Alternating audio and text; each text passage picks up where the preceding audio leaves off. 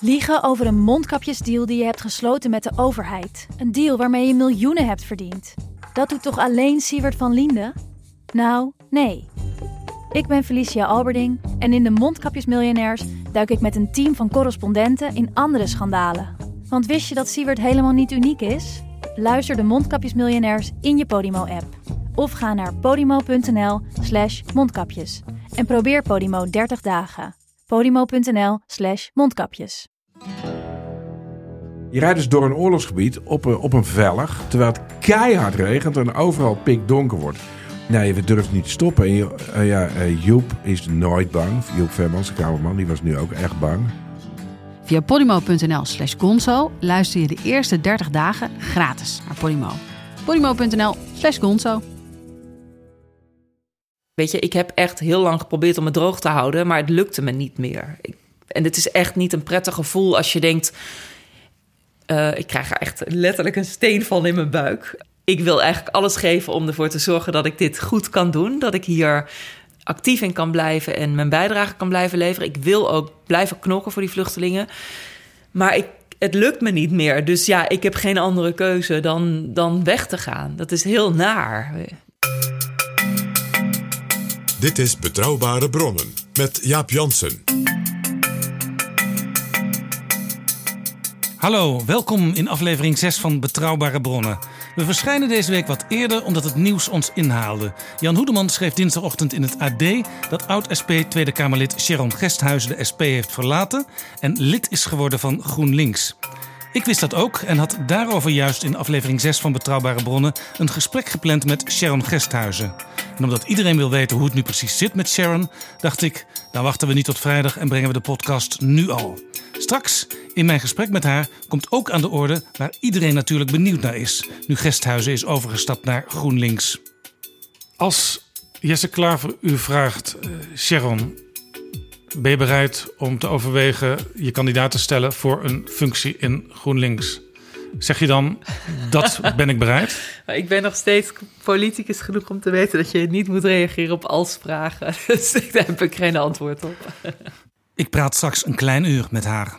Jaap Jansen en Pieter Gerrit Kroeger duiken in de politieke geschiedenis. Welkom in Betrouwbare Bronnen, PG. Dag Jaap. Jij wilde nog even terugkomen op vorige week toen we D66 behandelden als onderwijspartij. Ja, het was echt. eh, so- soms gebeurt dat. De dag nadat wij dat samen opnamen, was het afscheid van Tom de Graaf van de Vereniging Hogescholen, de vroegere HBO-raad. Nou, daar waren natuurlijk allemaal eh, feestelijke toespraken. En één daarvan was van een hogeschoolvoorzitter uit Nijmegen. En die had hem dus meegemaakt, de D66-man, als burgemeester van die stad. Die zei eigenlijk. Katholieke Nijmegen. Eigenlijk bleek toen jij een CDA. Want je was zo verbindend en zo voortdurend het midden zoekend en dergelijke. En toen riep de oud-voorzitter van de universiteit in ons land, Karl Dietrich, het is ook een KVP'er. Als historicus dacht ik, toen ik dat hoorde, hij heeft gelijk. Tom de Graaf is natuurlijk een D66er, natuurlijk. Maar komt uit een notabel geslacht van eh, KVP-bestuurders. Ja, want zijn vader was ook burgemeester in Nijmegen en was van de Katholieke Volkspartij.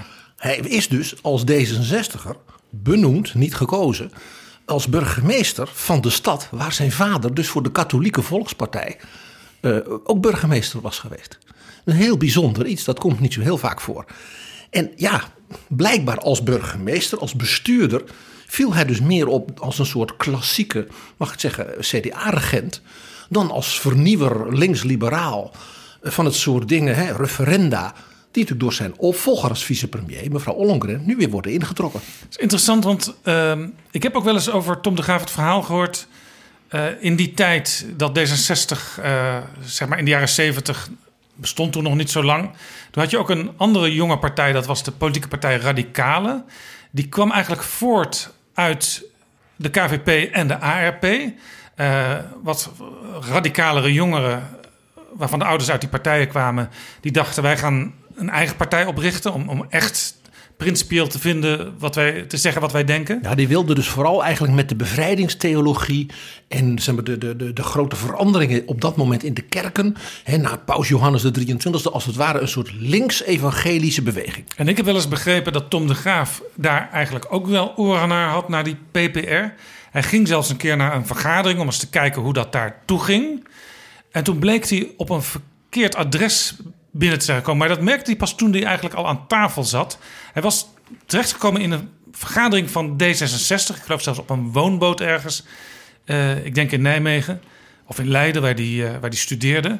In ieder geval, hij was dus niet bij de PPR terechtgekomen, maar bij D66. En toen besloot hij daar maar te blijven. Dit is Betrouwbare Bronnen. Een wekelijkse podcast met betrouwbare bronnen. PG, dan gaan we naar het nieuws wat tot ons kwam via Dagblad Trouw. Marno de Boer, redacteur van Trouw, die veel defensie doet, die wees erop dat er binnenkort weer een nieuw marineschip vernoemd moet worden. Naar bijvoorbeeld een zeeheld. Nou zijn er natuurlijk allerlei problemen. Uh, Michiel de Ruiter, die wordt ook wel uh, Michiel de Rover genoemd. Piet Hein is van alles mee. En nou ja, Witte de Wit, daar hoef ik ook niet over te praten. Dus het is best moeilijk als je zo'n schip hebt en het gaat om een nieuw bevoorradingsschip dat in 2023 in de vaart komt, wat nu gebouwd wordt. Er is een overste mee belast, overste Wilco Kramer, secretaris van de traditiecommissie bij de marine. Die buigt zich over de nieuwe scheepsnamen. Nou, en zijn bedoeling, zegt hij in trouw, is om eind dit jaar, als het goed is, een naam te hebben gevonden voor dat grote bevoorradingsschip wat in 2023 gedoopt gaat worden. We hebben al een eh, Karel Doorman, we hebben al een Jan van Amstel. Maar ja, hier is dus de vraag: is er een naam voor dat hele mooie grote schip wat we over een paar jaar in de wateren zien liggen? Ik kan mij eigenlijk niet voorstellen dat een kabinet Rutte 3 met als minister-president Mark Rutte en een CDA-minister van Defensie Ank Bijleveld dat die maar aan een andere naam zouden kunnen denken dan de naam van Piet de Jong. Dat moet natuurlijk de zijne majesteits Piet de Jong worden. Petrus Jozef Sietse de Jong, geboren in Apeldoorn op 3 april 1915. Overleden in Den Haag op 27 juli 2016, twee jaar geleden. En van 1967 tot 1971 minister-president. En een authentieke zeeheld, zoals we ze in Nederland niet vaak hebben gehad. We luisteren even naar hem. Op zee heb ik van kleine jongen af, vond ik dat prachtig en intrigerend. En ik heb uh, veel op zee gezeten. Het is zo onvoorstelbaar mooi. De hele, de hele planeet, en de landen die je bezoekt en de interessante. Ik heb eigenlijk de hele wereld van dichtbij gezien en dan ook weer bestudeerd. Want ik was nieuwsgierig van aard. En dan ga je je interesseren voor de plaatselijke bevolking. En, en dat is ongelooflijk interessant. Maar u kunt zich niet voorstellen hoe mooi het firmament. Heel Nederland, de meeste mensen hebben nog nooit echt een sterrenhemel gezien. Veel te veel licht overal. Het donker, ver van alle lichten, ver van alles. Op een donkere nacht, hel, geen bewolking. Is zo ongelooflijk mooi. Heb je geen idee van. Op zee en midden in de woestijn. Dat was een fragment van Piet de Jong.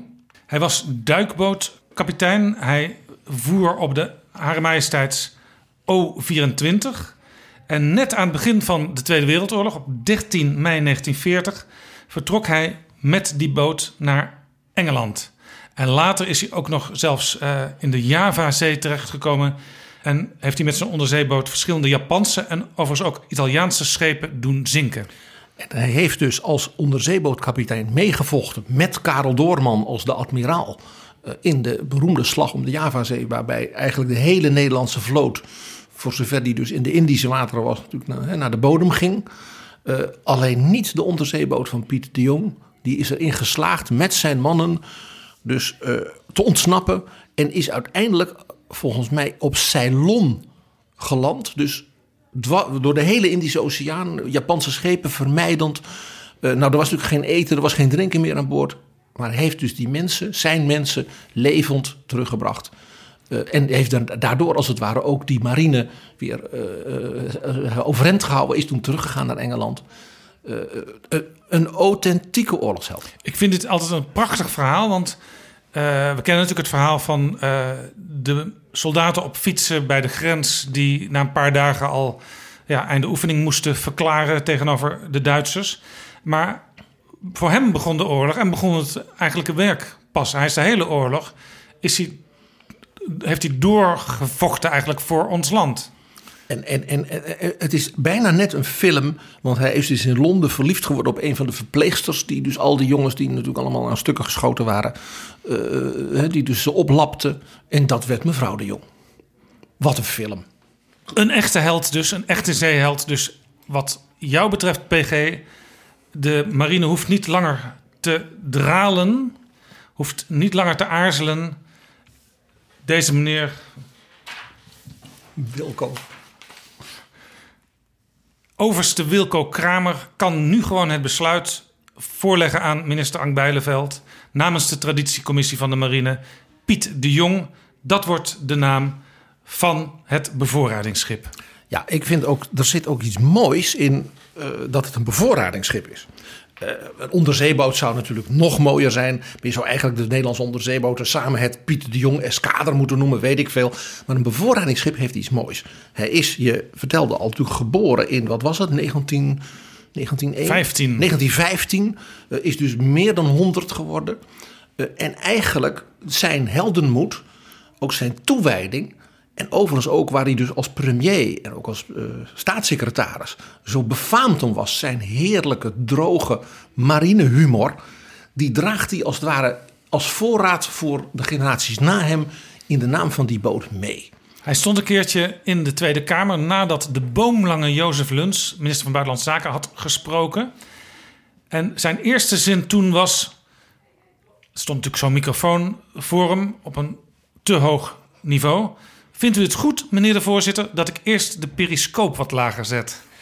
En dat was ook nodig bij Piet. Want Pieter Jong was, zoals iedereen in die tijd in een eh, onderzeeboot, heel erg klein. Die mensen werden speciaal geworven onder mensen die graag op- ja, op een schip wilden eh, werken. En een ambitie hadden voor de marine. Maar die dus gewoon de lengte niet hadden. Nou, dat was toen de onderzeeboot kwam, werd dat dus ineens een nieuw soort werkgelegenheid voor hele kleine mannetjes.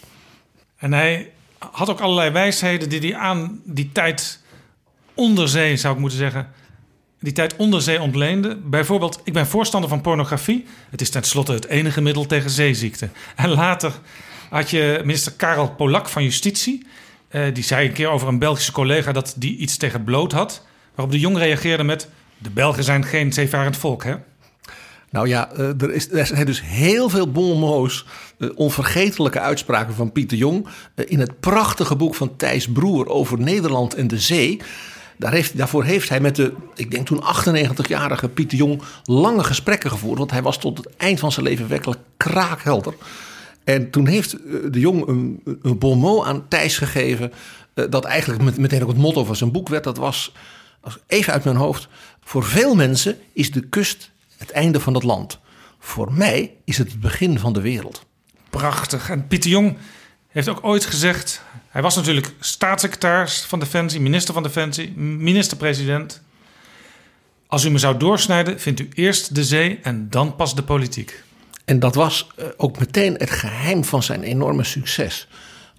Bijvoorbeeld, wat weinig mensen weten, voordat hij überhaupt in de politiek kwam, was hij adjudant van koningin Juliana.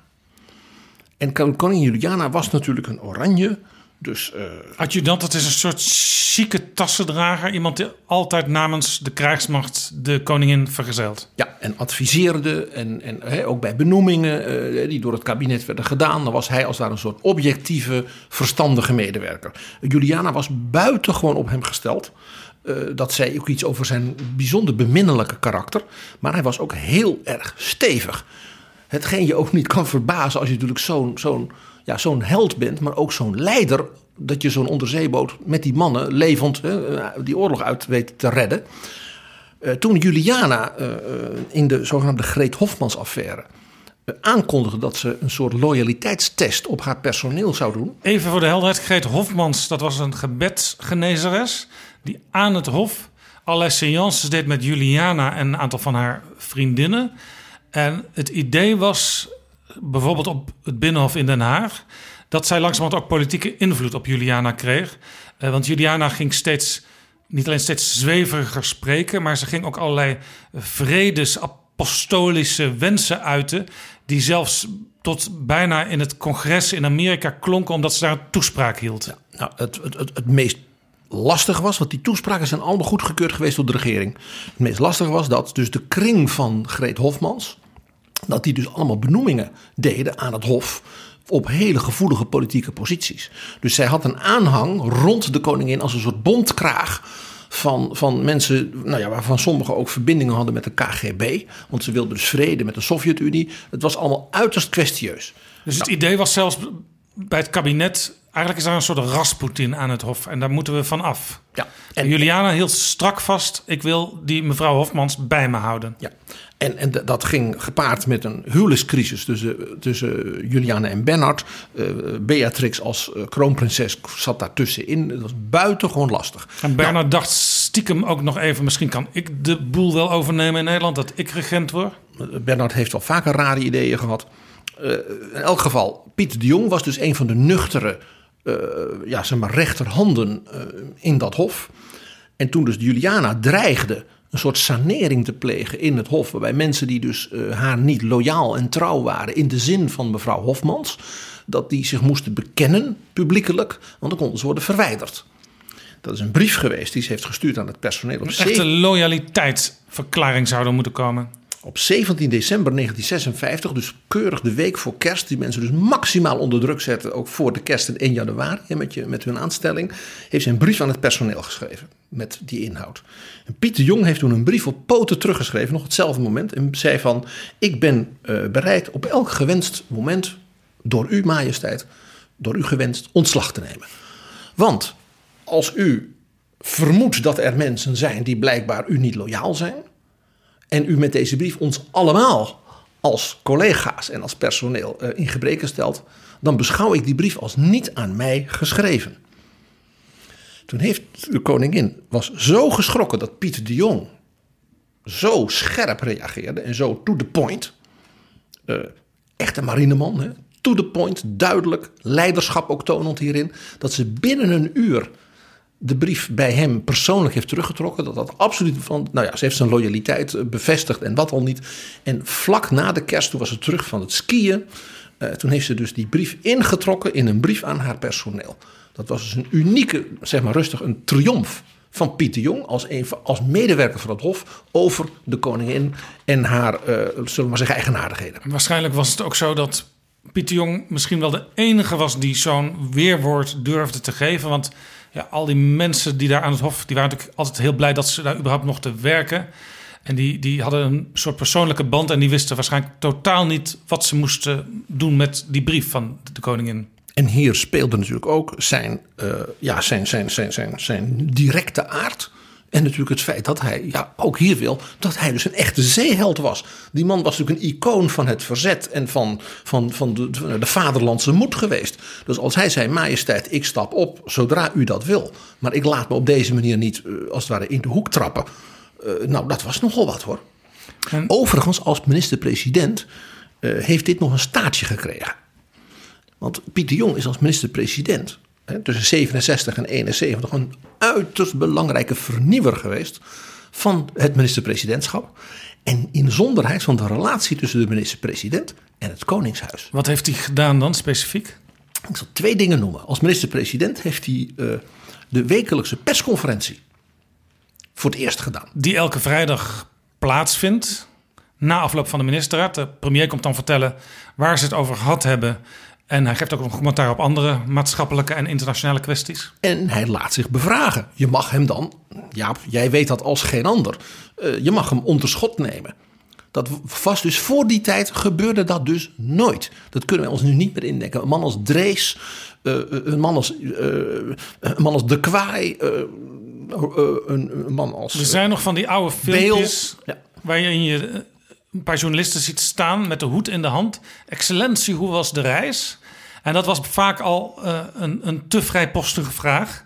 Want heel vaak kwam het voor dat zo'n excellentie dan een soort snibbig terugkaatste van hadden wij een afspraak? Ik dacht het niet en doorliep. Nou, Piet de Jong was dus minister-president in 67. Dat is dus de tijd natuurlijk van de oprichting van D66, PPR, al die nieuwlichterij, nieuw links. Eh, ook de KVP moest natuurlijk wat de tijd ook dat dus bijna elke Nederlander zo langzamerhand televisie kreeg. Dat dus, uh, zeg maar, mei 68 hè, was in aantocht. Radio Veronica swingde vanaf zee. En Pieter Jong was eigenlijk dus mei 68 alweer voor een katholieke, een, we zouden nu zeggen een CDA-marineman, was de revolutie weer voor. En die zei, ik vind het verschrikkelijk dat als ik vrijdagmiddag naar huis ga, na de ministerraad, dat ik thuis word gebeld. En vooral mijn vrouw, die vond dat maar niks. Want dan zette zij de aardappel op tafel. Want ja, het was natuurlijk echt Hollands huisgezin. Hè, met een lekker balletje gehakt erbij en, en spersieboontjes. Ik zie het voor me. Hè. En dan ging de telefoon en nam mevrouw natuurlijk de telefoon op. En dan was het uh, Henri Vaas van de Volkskrant. Of het was de toenmalige Jaap Jansen. en die had dan allemaal vragen. En mevrouw de Jong, die, uh, nou ja, die gaf of de telefoon door of ze zei van nu niet. Haar man die zei: Ik wil dat niet dat mijn vrouw wordt lastiggevallen thuis. Dus en ik wil mijn, ik met mijn gehaktballetje. Die oude zwarte bakkelieten telefoon van de familie de Jong. Die rinkelde iets te veel naar de smaak van mevrouw de Jong. En dat was de aanleiding voor het instellen van zo'n persconferentie. En hij had toen natuurlijk de legendarische uh, directeur van de Rijksvoorlichtingsdienst, Gijs van der Wiel. En die heeft dat gezegd van ik zal dat voor u regelen. En toen kwam dus de minister-president elke vrijdag na de ministerraad. En met die vrolijke, uh, uh, ironische uh, zelfspot van Piet de Jong, maar ook zijn duidelijkheid, die hij ook altijd als leider ook altijd had betoond, konden de journalisten alles vragen, want hij was helemaal niet bang. dat hadden we al gemerkt ook in de oorlog. Ja, en een van de eerste, ik denk zelfs de eerste persconferentie die plaatsvond, daar werd aan de Jong de vraag gesteld: meneer Jong, bent nu minister-president geworden. Uh, heel belangrijk is de minister-president natuurlijk ook om de economie een beetje in het goede spoor te houden in Nederland. Maar u heeft geen economie gestudeerd. Wat weet u eigenlijk van de economie? En toen was het antwoord van Piet de Jong. Ik kijk naar de economie als een aap naar een roestig uurwerk. Het is dit soort dingen. Uh, je kunt bijna, dat is ook gelukkig met een hele dikke biografie. En een heel dik boek, prachtig dik boek over zijn hele kabinet. En dat staat vol met dit soort dingen. Om een voorbeeld te geven, toen hij in 69 als premier een aantal ingrepen deed in de verhouding tussen de premier en het Koningshuis, waar ik al op wees. Toen kreeg hij dus heel veel angstige reacties van Kamerleden en journalisten. En toen heeft hij dus tegen iemand gezegd: er bestaat een hoop hermelijnvrees. Want hij was het dus, met zijn goede band met het Koningshuis, die toch langzamerhand uh, dat, dat huis wat, wat compacter wilde maken. Hè? Hij heeft drie dingen als premier gedaan op dat punt. En ik denk dat voor, nog na hem, maar misschien Torbekke, uh, iemand dus zo heeft ingegrepen. Ik ze alle drie Ja, Torbekke is natuurlijk uh, oor concours, want die heeft de hele grondwet veranderd. En het, het, hele Koningshuis ingesnoerd in feite in de democratische rechtsstaat. Maar goed, die was er toen en die is ook eigenlijk tot veel genoegen van eigenlijk iedereen die zich met politiek bezighoudt, is dat Nederlandse systeem zo. Maar de Jong dacht toen, nou, dat kan nog wel iets. Het kan allemaal nog wel iets efficiënter worden. Ja, het eerste wat hij deed, ook iets, dat kunnen wij ons nu niet meer indenken. Hij zei, majesteit, tegen Juliana, wij moeten met elkaar praten. Hoezo, meneer de Jong? Nou, op zaterdagochtend, en dat vond Juliana fijn, zo merkte hij. Want die had behoefte aan zekerheid. En dat wist hij natuurlijk omdat hij voor haar gewerkt had. Dus hij zei: Ik bel u elke zaterdagochtend. En dan vertel ik u wat we hebben gedaan in de ministerraad. Dus en wat er aankomt. En een soort waar... van toelichting van dit, hier zijn we in de politiek mee bezig. Het leidde ertoe omdat Juliana nog wat, nogal wat uh, op de hak en de tak sprong in al haar gesprekken. Daar was zij fameus om. Uh, dat dat gesprek dan om tien uur s morgens tot half elf uh, van alles ging, maar eigenlijk nauwelijks over de ministerraad. Dus wat deed Pieter Jong? Hij kende de koningin. Hij, had natuurlijk, hij was haar adjudant geweest. Hij had groot respect voor haar, maar kende ook haar eigenaardigheden. Dus die zei: Op maandagmiddag kom ik altijd bij u langs. En dat maandagmiddag is nog steeds het tijdstip, het moment in de week waarop de minister-president, ook nu Mark Rutte, de koning bezoekt. Exact. En dat is dus een erfenis van Pieter Jong. Juliana vond dat heel erg leuk. Waarom? Zij woonde op Soesdijk. En dan kon zij dus na de lunch van Soesdijk naar Den Haag. En dan ging ze winkelen met een vriendin of met een hofdame. eh, eh, op de Dennenweg en op de, de Noordeinde. Noordeinde. En dan, zorgde ze, en dan zorgden ze dus dat ze eh, op een bepaald moment.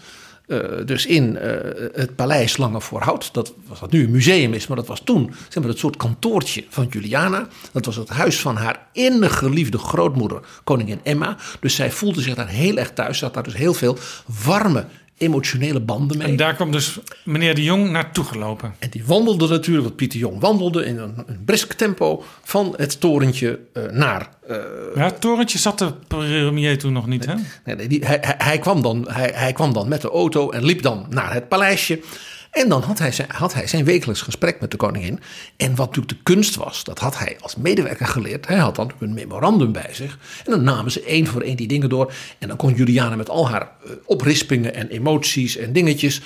toch alle punten die hij met haar doorgenomen wilde hebben doornemen. En Pieter Jong kon dan ook afstrepen van dit hebben we behandeld en hoe, daar hoef ik nu niet meer op terug te komen. Het tweede wat hij heeft gedaan. Dit was dus een hele belangrijke structurele ingreep in het functioneren van de minister-president. Naast dus die persconferentie. Het derde wat hij deed. Was hij heeft de puinhoop gesaneerd ten aanzien van de ministeriële verantwoordelijkheid voor het Koningshuis. Want zijn voorganger, eh, de heer Kals, had dus meegemaakt met die trouwerijen en die eh, verlovingen van de prinsessen. Dat dat volkomen in het honderd liep. Omdat er dus geen heldere afspraken waren.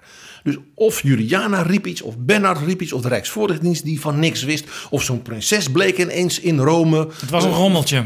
Het was een zootje. Daarbij kwam, dat was nog natuurlijk van vroeger, dat er nog geen radio en tv was.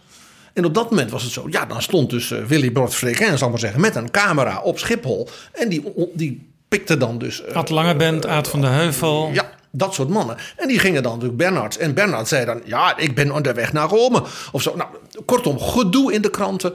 En de minister-president had er geen enkele greep op. Pieter de Jong hield daar niet van, er geen greep op hebben in alle mildheid en duidelijkheid. Dus die heeft de ministeriële verantwoordelijkheid ten aanzien van het Koninklijk Huis aangescherpt in de vorm van een brief aan de Tweede Kamer met lessen van het kabinet. En die brief moest dus bij Juliana goedgekeurd hebben. Waarin hij dus zei: de minister-president moet ook van tevoren zijn verantwoordelijkheid kunnen nemen. Ja, dus niet alleen als het al misgegaan is, maar gewoon een beetje de boel wat scherper, steviger in de hand hebben. Dus dat betekent dat de koningin en de prinsessen en dergelijke overleg horen te hebben met de minister-president als er zoiets gebeurt als een verloving of een echtscheiding of dat soort dingen. Want het lot van het Oranjehuis raakt de goede naam van Nederland. Ik kan me voorstellen dat koningin Juliana daar niet meteen blij mee was met dat plan. Uh, nee, maar het volgende plan dat hij had, dat leidde tot nog veel groter gedoe. Uh, Prins Bernhard klaagde zo één à twee keer per jaar tegen de minister-president over artikelen in Der Spiegel en dergelijke bladen, uh, die dan weer het fortuin voor de Oranjes hadden onderzocht. En mijn vrouw is geen miljardair. Ja?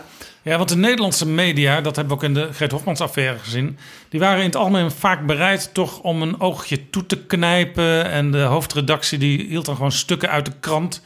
Uh, maar ja, in de Spiegel en in andere buitenlandse bladen Time Magazine en zo, daar trokken ze zich daar natuurlijk niks van aan. Nee, en dan moest de minister-president, de arme minister-president moet je zeggen, moest dan op last van prins Bernhard, die dan optrad als hoofd van het gezin, dat was toch echt klassiek, uh, moest dan dus uh, ingrijpen. Waarop de minister-president dan zei, ja maar uh, koninklijke hoogheid, ik kan niet ingrijpen, want ik weet niks.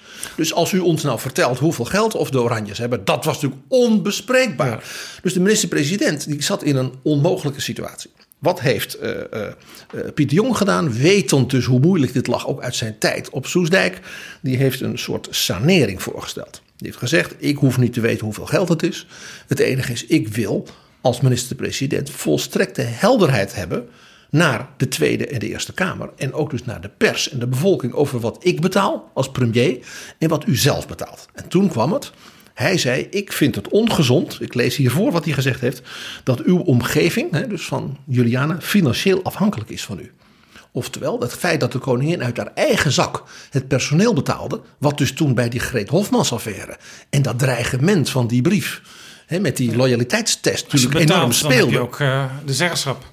En hij zei dus: het hofpersoneel moet worden betaald door de, door de regering. Want wij zijn verantwoordelijk dat u goed functioneert. Dat is onze verantwoordelijkheid als ministers. En die mensen zijn dus in feite ambtenaren, dus het Rijk betaalt.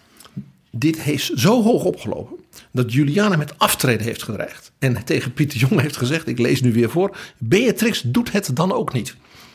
Dus dat is ultieme chantage, dat er ook geen opvolger was. Piet de Jong heeft op de gebruikelijke Piet de Jong manier beminnelijk, krachtdadig, leiderschap en toch ingetogen voor elkaar gekregen. En heeft een heel sluw compromis gevonden over de aanstelling van dat personeel en hun salaris. En dat werd dan vergoed. Ja, en, en Juliana, haar opwinding en haar oprispingen, die waren dan weer weg. En de Hermelijnvrees, hè, zoals hij dat dan noemde, van alle anderen, die had hij gedempt. En zo heeft hij dus hele fundamentele ja, zeg maar, innovaties eh, eh, aangebracht in de relatie tussen de regering en ook de persoon van de minister-president en het staatshoofd. Met andere woorden, Pieter Jong, een hele belangrijke persoon. En zelfs in deze details van de relatie tussen het deel van de regering dat ten paleize functioneerde en het deel van de regering dat eh, rondom het Binnenhof functioneerde. Daar heeft hij eh, een hele nieuwe eh, lijn gelegd, een hele nieuwe eh, route voor bedacht en ook uitgevoerd. En daar eh, hebben minister-presidenten tot nu toe nog steeds een voordeel van. En ik denk ook vooral de koning heeft daar groot voordeel van. Ik zou zeggen, ik zeg de koning, die zelf ook graag in uniform rondloopt, zou de grootste promotor moeten zijn van de vernoeming van dat schip naar Pieter Jong. Zeker als hij zichzelf vaak graag spiegelt aan zijn grootmoeder Juliana, dan zal hij ook weten hoe deze man in zijn rust als adjudant en later als premier eh, juist die grootmoeder voor veel van haar oprispingen en eigenaardigheden heeft behoed. En de koning die zal dus met des te meer plezier straks die fles tegen dat schip aan laten beuken. dat zou heel mooi zijn. Indachtig dat het koning Willem-Alexander is geweest.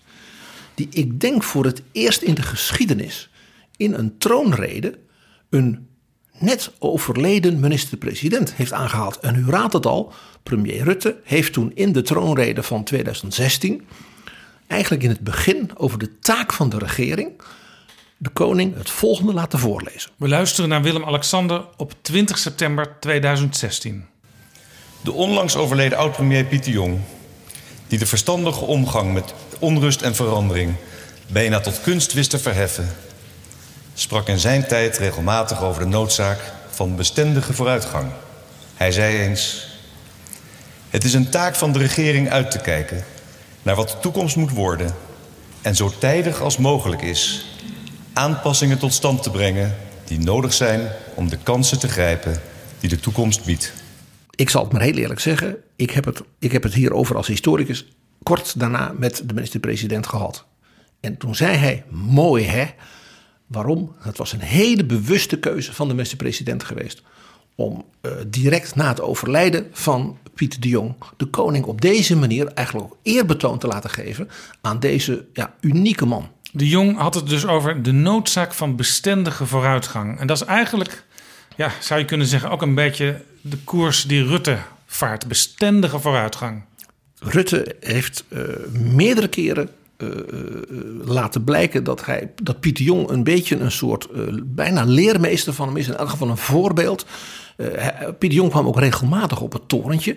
Hij was fysiek en zeker geestelijk buitengewoon fief. eh, tot, nou zeg maar, een jaar voor zijn dood. En, Ja, hij is dus uiteindelijk 101 geworden. ongelooflijk. Eh, als je nagaat met welke gevaren hij dus in zijn, in zijn veel jongere leven geconfronteerd was. En eh, ik weet van de minister-president dat hij, zei ooit eens tegen mij van een half uurtje thee drinken met Pieter Jong. En je kunt er als premier weer zeker een maand tegenaan. Laten we hopen dat de traditiecommissie van de marine heeft geluisterd naar dit betoog. En dat overste Wilco Kramer, die uiteindelijk die brief moet voorleggen aan minister Ank Bijleveld om het nieuwe schip, het nieuwe bevoorradingsschip te vernoemen, dat hij de naam Piet de Jong in hoofdletters, in grote letters heeft genoteerd. PJS de Jong. En dat dat uiteindelijk ook het besluit van Slands regering zal worden. En dan kan ze, kunnen die daarbij helemaal in lijn zijn met, nota bene, we hadden het eerder over D66. Het was Hans van Mierlo. Die misschien was zijn beste grap ooit gemaakt door hem in het parlement. Het volgende zei over Piet de Jong toen die een betoog hield waarin hij zei met die bestendige vooruitgang, stap voor stap, bijna Angela Merkel, schriet voor schriet. En toen zei Hans van Mierlo het volgende. Premier de Jong wil tegelijkertijd voortvarend en bezonken zijn. Dat kan hij alleen geleerd hebben in een onderzeeboot. Dankjewel, PG. Dit was Pieter Gerrit Kroeger.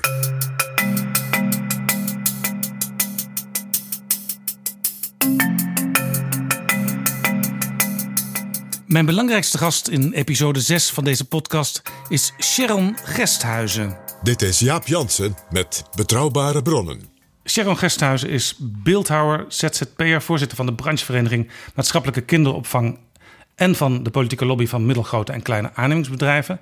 Geboren in Nijmegen in 1976, was bestuurslid van de Landelijke Studentenvakbond, lid van de Tweede Kamer voor de Socialistische Partij van 2006 tot 2017, kandidaat partijvoorzitter in 2015, een strijd die ze verloor met 41% van de stemmen tegen 59% die naar Ron Meijer ging. En hij zit sindsdien de partij voor. Sharon Gesthuizen, welkom in Betrouwbare Bronnen. Ik noemde de Socialistische Partij. Dat was uw partij, maar dat is uw partij sinds kort niet meer. Dat klopt. Wat is er gebeurd? Ehm, ja, wat is er gebeurd? Dat is eh, denk ik een, iets waar we een heel gesprek over eh, kunnen hebben. Dat gaan we ook doen. Eh, ja, precies. Het is niet in één zin te vatten. Ehm, het, het was heel erg lastig om het afgelopen... Ja, ik moet niet zeggen het afgelopen jaar, maar zeker de afgelopen periode. Dat, je kunt daar kijken in een periode van een aantal maanden tot zelfs een paar jaar. Om te zien hoe eh, het, eh, het ja, toch progressieve standpunt als het ging om migratie werd verlaten.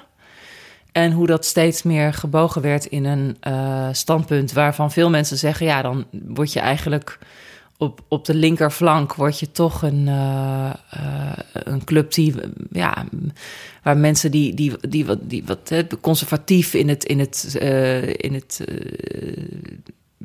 culturele, misschien zelfs ook met een.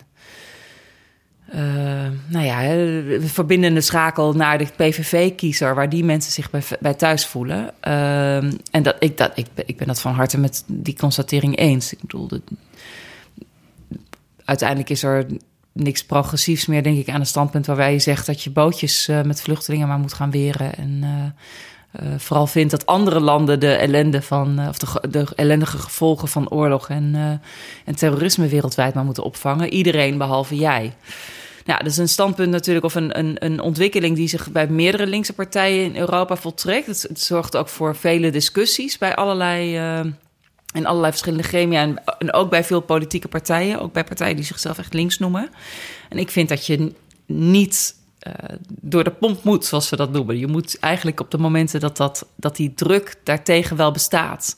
Hè, dat er een deel van een bevolking is die eh, eh, wars is van iedere vorm van, vorm van hulp aan vluchtelingen. Dan moet je eigenlijk wel ook je rug, rug recht durven houden. Ook omdat ik me zo langzamerhand afvraag waar mensen die wel voor een humaan vluchtelingenbeleid eigenlijk nog terecht kunnen als eh, de een na de andere partij zegt van nou dat is goed, hè, we gaan wel. Ja, want er was onlangs een, een motie Ascher Pechtold. Ja, klopt. Die pleitte voor meer Turkije-achtige deals. Dus mensen worden in de regio opgevangen. Eh, als het even kan, komen Ja. ze niet naar Europa. Ja. Daar worden ze gecheckt en gekeken of ze misschien later wel naar Europa kunnen. En eigenlijk de enige partij in de Tweede Kamer die niet voor die motie was, was GroenLinks. Ja, er waren wel meer partijen. Ik, als ik me goed herinner, waren, was in ieder geval Denk ook tegen die motie. En eh, de Partij voor de Dieren. Maar in ieder geval van de partijen die, laten we zeggen, meer dan negen Vijf zetels, ja, hebben, precies. Ja, ja, precies. was alleen. GroenLinks Ja. nog tegen die motie. Ja, ja. En dat is dus ook de partij waar u nu naar overstapt. Ja, dat klopt. Ik ben eigenlijk in januari al lid geworden van eh, GroenLinks. En dat was naar aanleiding van een eh, interview van Lilian Marijnissen. eh, ik meen in de Volkskrant. eh, waarin zij zei van ja, het is eigenlijk heel raar als je er tegen bent dat vluchtelingen voortaan alleen nog maar buiten de EU asiel aan kunnen vragen. En als je dat goed afpelt, die opmerking, dan betekent dat dat je dus daarmee al een schot van de, voor de boeg neemt en zegt: ja, we vinden dat Europa gewoon op slot moet voor vluchtelingen.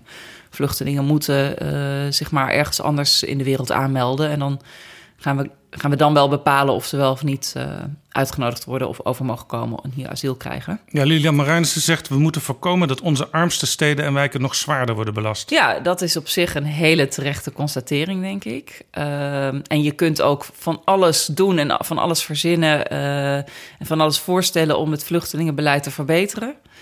Uh, zeker niet in de laatste plaats uh, uh, zorgen dat er voldoende budget beschikbaar is voor noodopvang, die eigenlijk altijd in de regio gebeurt. Ik bedoel, de, het gros van de mensen zit natuurlijk toch in kampen of in ik weet niet of u er wel eens geweest bent, maar ik ben op veel plekken geweest, bijvoorbeeld in Beirut, waar mensen echt onder hele nare omstandigheden. Ja, want u was lange tijd in de Tweede Kamer ook namens de SP woordvoerder ja, vluchtelingenbeleid. Ja, zeven jaar. Dus u bent ook vaak ter plekke geweest. Absoluut. Ja, ik ben in veel vluchtelingenkampen geweest. Ik ben bij, zowel bij, ja, hoe noem je dat, illegale nederzettingen, als ook in officiële kampen, als ook op plekken waar mensen maar zo'n beetje gedoogd worden geweest. Ik heb gezien hoe kinderen op straat moeten overleven uh, door s'avonds roosjes en water te verkopen. Om nog maar een beetje binnen. En die situatie, die is, ja, ik gebruik zelf het woord meestal niet, liever niet, maar die situatie is echt wel erbarmelijk. Ja. Vreselijk. Ja. Dus je zou zeggen, wat er ook gebeurt, die mensen moeten gewoon goed onderdak krijgen. Ja. En dan is dat waar dat gebeurt niet zo belangrijk dat kan ook gewoon bij ons in Europa zijn meteen. Ja, dat kan. Ja, en dat is ook gebeurd. Ik bedoel, nu is die stroom met Syriërs uh, nagenoeg opgedroogd. Er komen natuurlijk nog steeds wel mensen uit Syrië, maar uh, de, de, de, de hoos, even ik doe even met mijn vingers aanhalingstekens, die is natuurlijk in 2015 geweest. Um, en dat, toen zijn er ook heel veel Syriërs naar Nederland gekomen. En ja, dat is over het algemeen is dat. Het is niet gemakkelijk geweest. We hadden toen ook uh, noodopvang, maar het is wel gelukt. Um, en wat, wat ik kwalijk vind, is dat er een. Uh, kijk, ik werd toen natuurlijk, toen ik in 2015 was, ik dus toevallig ook in de running om partijvoorzitter te worden. Toen ben ik natuurlijk bij veel afdelingen geweest. En veel afdelingen waren er echt van overtuigd dat we die koers moesten varen. Um, en ik weet ook dat er op dit moment al de mensen. koers die uw koers was? Ja, of nou, de fractie. Zijn. Niet alleen mijn, uh, mijn koers, maar de koers van de fractie. Uh, Uh, die ook is afgestemd middels congresmoties. Ik weet nog dat ik de eerste keer dat ik een, een, een partijprogramma voor de verkiezingen mocht verdedigen, ik nog verder de, de kant op werd geduwd van jongens, we moeten nog meer voorop lopen. We moeten nog duidelijker laten merken dat we er ook voor de allerarmsten, voor de mensen die het minst hebben, die alles te verliezen hebben in deze wereld zijn. Dus over het algemeen waren onze partijleden, hadden die de neiging om het nog een stukje meer die progressieve kant op te trekken. Nou, dat is iets wat ik heel erg belangrijk vond. Dat is ook een van de dingen waarmee ik toen campagne voerde. Hè? Dat je niet alleen die verbrede blik voor de SP, maar ook een democratisering van de partij. Goed luisteren naar je leden, goed die dialoog aangaan. En ik kan niet anders dan constateren dat, dat dat gewoon echt een gemiste kans is in deze asieldiscussie. Ik bedoel, er is door Lilian afgelopen januari, dus eigenlijk net als aangetreden als uh, fractievoorzitter, een, uh, een, schot voor de boeg gegeven van, uh, nou, misschien moeten we maar hetzelfde doen als, als heel veel andere partijen in de Kamer. Namelijk uh, zeggen dat uh, Europa eigenlijk niet meer zo toegankelijk moet zijn voor vluchtelingen. En ik weet dat er nu mensen zijn die zeggen: ja, we moeten hierover een goede discussie voeren in de partij. En dat gebeurt eigenlijk niet. Ja, dat, dat is. Ik, weet je, je bent lid van een politieke partij. Alle mensen in Nederland die nog lid zijn van een politieke partij, het zijn er enkele honderdduizenden, die hebben recht om mee te beslissen over de koers van. Ja, want er wordt nu dus een koerswijziging ingezet onder Zonder, Lilian Marijnissen. Ja. En u zegt, daar is eigenlijk geen democratische discussie over. Dat klopt, er is geen democratische discussie over mogelijk. En ik weet uh, van veel mensen dat ze proberen om die wel te krijgen. Dat ze ook voorstellen doen aan het partijbestuur en dat dat eigenlijk op een nee stuit. Maar ik ben afgelopen januari natuurlijk zelf ook de discussie aangegaan naar aanleiding van dat interview. En uh, ja, ik kreeg toen te horen dat er geen sprake was van een koerswijziging. Dus ja, dat, dus gewoon, ik vind dat gewoon kwalijk. Weet je, ja, ik ben natuurlijk zeven jaar woordvoerder geweest. Ik ben niet helemaal uh, op mijn achterhoofd gevallen. Dus. Ron Meijer, de partijvoorzitter, die zegt... Ik kom vaak mensen tegen die zeggen... ik ben geen SP'er, ik stem PVV. Dat zijn geen rabiate racisten... maar ze zijn teleurgesteld in de Partij van de Arbeid. Die mensen wil Ron Meijer terughalen naar links, naar de SP. Ja, en het grappige is dat ik dus uit betrouwbare bron heb vernomen dat er richting die leden die zich zorgen maken, die zeggen: Maar dit is niet waarom ik lid ben geworden van de partij. Wij willen het recht om hier in de brede over te kunnen uh, spreken, om een goede analyse te maken, om hier een echt een, democratische partijdiscussie over te voeren. Um, uh, wij hebben het vermoeden dat jullie in de partijtop dit standpunt nu wijzigen, omdat jullie, dat, omdat jullie denken dat het electoraal be beter uitpakt. Dat is eigenlijk wat daar wordt beweerd ook, hè, het stukje wat u net voorlas. En toch wordt er tegen die mensen gezegd: nee, het heeft niets te maken met electorale overwegingen. Ja, dat gaat natuurlijk, weet je, het kan niet allebei waar zijn. Ja, Hans van Heiningen, die tot enige tijd geleden secretaris van de SP was, die zegt: In de hele westerse wereld zie je dat niet links, maar rechtspopulisme de uitdager is geworden van de gevestigde macht. Met andere woorden, impliceert hij hiermee, als je de gevestigde macht wil uitdagen, dan moet je blijkbaar kijken hoe het komt dat het rechtspopulisme zo populair is geworden. Ja, alleen het is natuurlijk niet zo dat rechtspopulisme in de hele westerse wereld de uitdager is, is gebleken of is nu van de zittende macht. Dat zijn juist ook linkse partijen, die, zelfs in Europa, die dat, uh, uh, die dat doen. Het is wel een situatie waar we hier in Nederland mee geconfronteerd worden. Ja, weet je, ik zie dat, dat een andere partij in de Tweede Kamer, en, of zelfs twee andere partijen in de Tweede Kamer, die uitgesproken links zijn, namelijk de Partij voor de Dieren en GroenLinks, wel hun zetelwinst hebben gepakt met de afgelopen verkiezingen. Dat compenseert niet het verlies waar de Partij van de Arbeid en de SP samen. De SP natuurlijk maar één zetel, de Partij van de Arbeid veel meer uh, aan, aan zetels zijn kwijtgeraakt. Absoluut niet. Ja, Partij van de Arbeid heeft bij de afgelopen Tweede Kamerverkiezingen 29 zetels ja, verloren. SP heeft Eén zetel, zetel verloren. verloren. Dus dat zijn er samen 30. En daar zijn er tien van bij GroenLinks. Nou ja, globaal. Hè? Je weet natuurlijk nooit waar mensen precies naar oversteken. Tien van bij GroenLinks terechtgekomen. Drie van bij de Partij voor de Dieren. Er is nog een andere partij die zich in ieder geval op het gebied van vluchtelingen als progressief profileert. Dat is Denk. Die zijn, zitten nu ook met drie uh, zetels in de Kamer. Ja, je, weet... je hebt daarnaast natuurlijk ook nog D66 ChristenUnie die ja. vaak ook uh, heel stevig zijn als het gaat om ja. opkomen van vluchtelingen. ChristenUnie zeker, ja. Ja, absoluut. Ja. Dus uh, ik vind dat, nou ja, A, de, de analyse uh, is, is niet volledig genoeg. Uh, en B, de vraag is natuurlijk of je het niet ook onder links en onder internationale solidariteit, inter, links internationalisme moet verstaan. Dat je wel je deuren open houdt voor mensen die echt niets meer hebben. Kijk, je kunt natuurlijk als je een, een koerswijziging voor een standpunt, als je dat wil, hè, als je zegt van ja, we, we, we trekken het echt niet meer als land. We, het is echt te veel en wij vinden dat het te veel ten koste gaat van onze achterban. Dan kun je natuurlijk ook met hele andere voorstellen komen. Je kunt natuurlijk ook zeggen, ja, weet je, we, we, willen eerst dat het, het uitnodigingsbeleid en het, het, de manier waarop we op Europees grondgebied al met vluchtelingen omgaan, zoals bijvoorbeeld in Griekenland, dat dat verbetert. En daarna kun je spreken over welke middelen kunnen we nou aangrijpen om de stroom van vluchtelingen verder te reguleren. Ja, want u noemt Griekenland op bijvoorbeeld Lesbos zitten op dit moment uh, en al heel lang vluchtelingen te wachten op een volgende stap. Ja. En die volgende stap die komt maar niet. Nee, dat klopt. Ook daar ben ik geweest. Daar ben ik volgens mij ook niet de enige in. Ik weet dat, weet dat er meerdere SP'ers uh, zijn gaan kijken daar. Uh, ja, je kunt niet anders dan met je mond open daarnaar kijken en niet snappen hoe het kan dat je zoiets op Europees grondgebied laat ontstaan wil niet zeggen dat dat allemaal maar de verantwoordelijkheid is van ofwel Nederland ofwel Griekenland. Uh, de mensen hebben daar zelf natuurlijk ook een, een bepaalde rol in. De, ik ben bij in het kamp van Calais bijvoorbeeld geweest. Ja, daar, daar, weet je dat mensen op de een of andere manier in hun hoofd hebben. We willen naar Engeland toe en we willen dus bijvoorbeeld hier geen asiel aanvragen. Maar juist daarom is internationale samenwerking binnen Europa zo, uh, zo belangrijk. Ja, als je een goed helder systeem hebt in Europa, ja. hoe mensen gecheckt worden en hoe mensen uiteindelijk in alle lidstaten van de Europese Unie uh, terecht kunnen. Dat dat ook eerlijk en solidair verdeeld ja. wordt. Uh, dan kun je tegen mensen ook zeggen van wij doen het zo en ja, u heeft de keuze. Ja. Kom naar ons of kom niet, maar dit is ons systeem. Ja, absoluut. Ja, kijk, je, hebt, je ziet de afgelopen jaren dat de landen aan de buiten, of niet de afgelopen jaren, dat is natuurlijk al veel langer, maar de landen aan de buitengrenzen van Europa hebben eigenlijk de meeste instroom. Uh, hebben heel lang mensen nou ja, ze hebben door de vingers gezien dat mensen dan maar doorliepen. Hè, want ze waren op weg naar andere landen. Nou, dat kan niet meer, omdat andere landen vervolgens zeiden van ja, maar dan sluiten wij onze grenzen af. Ja, dat, dat is een, een failliet eh, van Europese samenwerking waar niet alleen die landen aan de buitengrenzen, maar met name natuurlijk de vluchtelingen de dupe van zijn geworden. Ik zou mijn energie daarop willen inzetten. Dat is iets wat ik vlot zou willen trekken. Ja, als je ik- naar Europa kijkt, in, Ja. in Duitsland heb je een eh, partij Die Linke, die natuurlijk heel erg op de SP lijkt.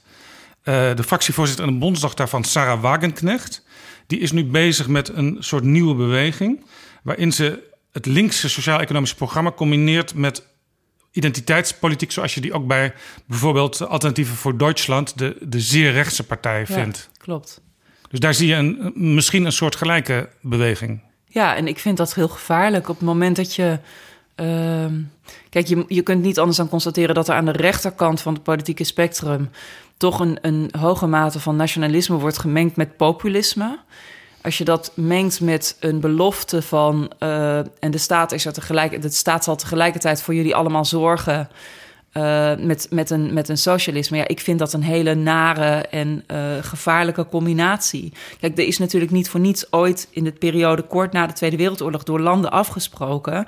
Wij moeten ervoor zorgen dat we gezamenlijk eh, een, een document opstellen. Dat is het VN-vluchtelingenverdrag geworden, waar we onze handtekening onder zetten en waarvan we ook zeggen: ook in moeilijke tijden eerbiedigen we dit.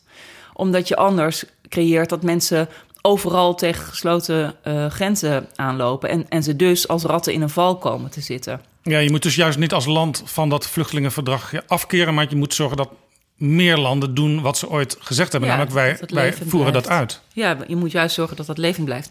En ik snap heel goed dat dat eh, ingewikkeld is en dat, dat, ook, eh, dat je dat kleerscheuren kan, kan opleveren.